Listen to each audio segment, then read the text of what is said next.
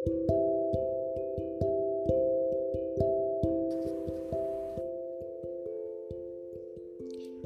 semuanya, kembali lagi di podcast Basi Baca Puisi.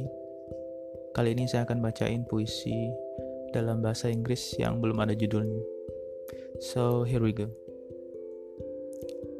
I want to swim in the sky, fly high until I open my eye feeling free every single day.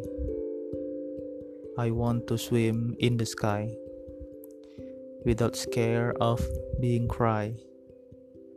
I don't want to bleed and die. I want to scream and say goodbye. My word is not shy.